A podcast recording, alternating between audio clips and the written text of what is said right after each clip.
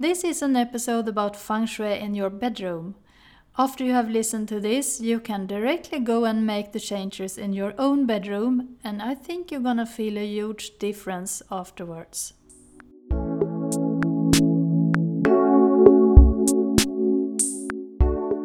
You're listening to Design a Simple Life with me, Ylva Jansson, and my mission is to guide and help you to a simplified and happy life. I'm a mother of three wonderful girls, photographer, feng shui consultant, and specialized in helping women simplify the home into a wonderful place with nice positive energies. I have used feng shui in my private life with great success, and I have also manifested a lot that I love in my life, and feng shui works very well with the law of attraction.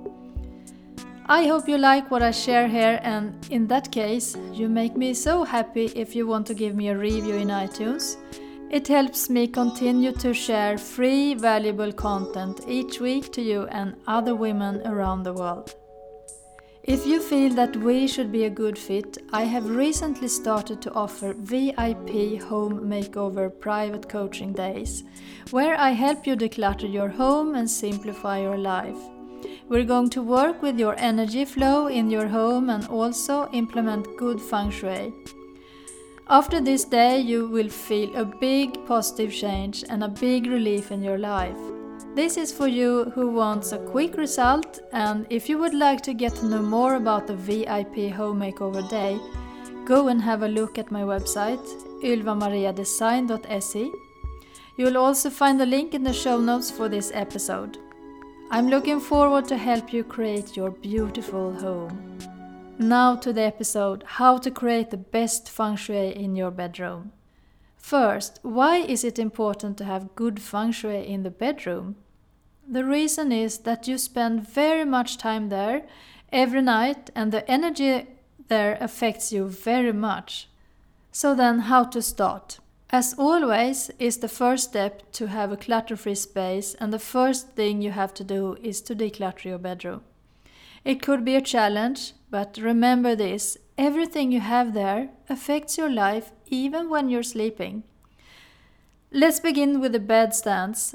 I have seen a lot of things there like paper piles, books, bills and even toys.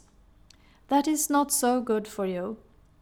Your aura field is an arm length and your bed stands are in that area. Therefore, it will affect your life when you're sleeping. It's better to have that space clean with just a lamp and maybe a bouquet of flowers. If you have your bills there, you probably feel stressed about them when you wake up in the mornings. It's the same thing with other things you have there. So take them away and don't forget to have a look in the drawer in under if you have any. Your things in the drawer are also in your aura field. Also try to avoid store things above the cabinets in your bedroom so that the energy flow can flow fluently. Then have a look under your bed. I know it could be tricky to store things if you're living in a small home but try to first declutter what's there and then if you have to store things there for some reason, put them under your feet. So your heart could be free of that energy. Then the position of your bed. You should always see the door when you're laying in your bed because you don't want to be surprised in your bedroom if someone comes in. That makes you more safe and that's the power of the power position. And let's talk about mirrors in the bedroom. A mirror always double the energy. For example, if you're living together with your partner and have a mirror in the bedroom, you'll double the couple. You'll attract more people coming into your love life, like third part relations, and I suppose you don't want that. A mirror is also related to the water element, and that energy is very unsafe, so avoid all mirrors in your bedroom. Remember that a TV is also a mirror when it's off. A TV isn't either a good thing to have in the bedroom for many reasons. If you can't live without a mirror or a TV, at least cover it when you go to sleep and turn off your TV to get a free zone of electricity when you're sleeping. If you would like to attract a romantic relation, be aware of what you have in your bedroom. Make it clutter free so you have space for your romantic partner. Change the pictures of the walls to something related to love and make space for that person in your bed. Use two pillows, two lamps, and so on.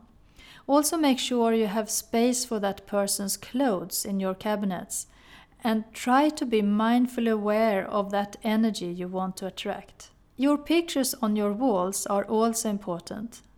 What does they tell you? Does they give you too much energy?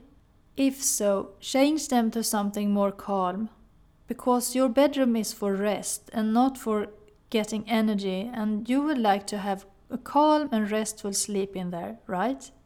A picture of water is too much energy. A small picture of nature could be okay, but you don't want the nature in when you're sleeping. So be careful about a big picture of nature on your walls. If you want a romantic partner, you have to be conscious about what you have on your walls. And also, if you have nothing on your walls, you can't expect something happens in your love life. Emptiness give emptiness. Put your vision boards in your bedroom of what you would like to manifest in your future life. If you have a partner, you need to have both of your dreams on your vision board. Then let's talk about colors.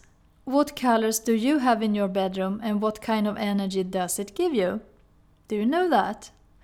Positive colors for the bedroom is always earth colors like beige, earthy peach and pink. If you have just white in your bedroom, you could feel depressed because there is no colors at all. But if you like white and have white walls and everything is white, you could add some earth color to make it more balanced. For example, your bed sheets, blankets or curtains or something else. Avoid red colors. Red is related to the fire element and give a little bit too much energy when you're sleeping. Then you might say, mm, But I want to bring love into my life. Okay, yes, but you could also use pink or purple for that reason. If you, against all odds, love red colors, use them with balance and not too much in your bedroom. Never paint your walls in red. That's not positive at all. You can have small things in red, but not on big surfaces. And remember your bedroom is for sleep and don't for getting energized. Of course, you want to be energized when you wake up in the morning, but you get energy of having a calm rest in the night. Everything you have in the bedroom affects you when you're asleep. So, to get a good result in your life, your bedroom is important. Make it cozy and harmless so you can sleep. Use earth colors, no mirrors or TVs. Don't store your stuff under your bed. Always see the door when you're laying in your bed. And use the techniques I mentioned if you would like to attract a romantic partner.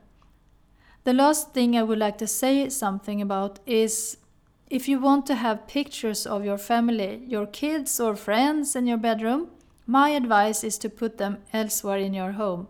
For example, your living room, it's a perfect place for that pictures. Or just have a small picture of your kids in, in your bedroom. And you don't want other people looking at you when you're having a romance, right? Also, remember to make your bedroom clutter free. I hope you liked this episode about feng shui, my favorite topic. Remember, if you would like my help, go and book your VIP home makeover coaching day with me on my website, ylvamariadesign.se. You also will find free resources there, like how to get amazing mornings, including meditations. And you have all the links in the description for this episode. So, good luck with your bedroom. Have a wonderful week. Happy Midsummer. Take care and see you soon.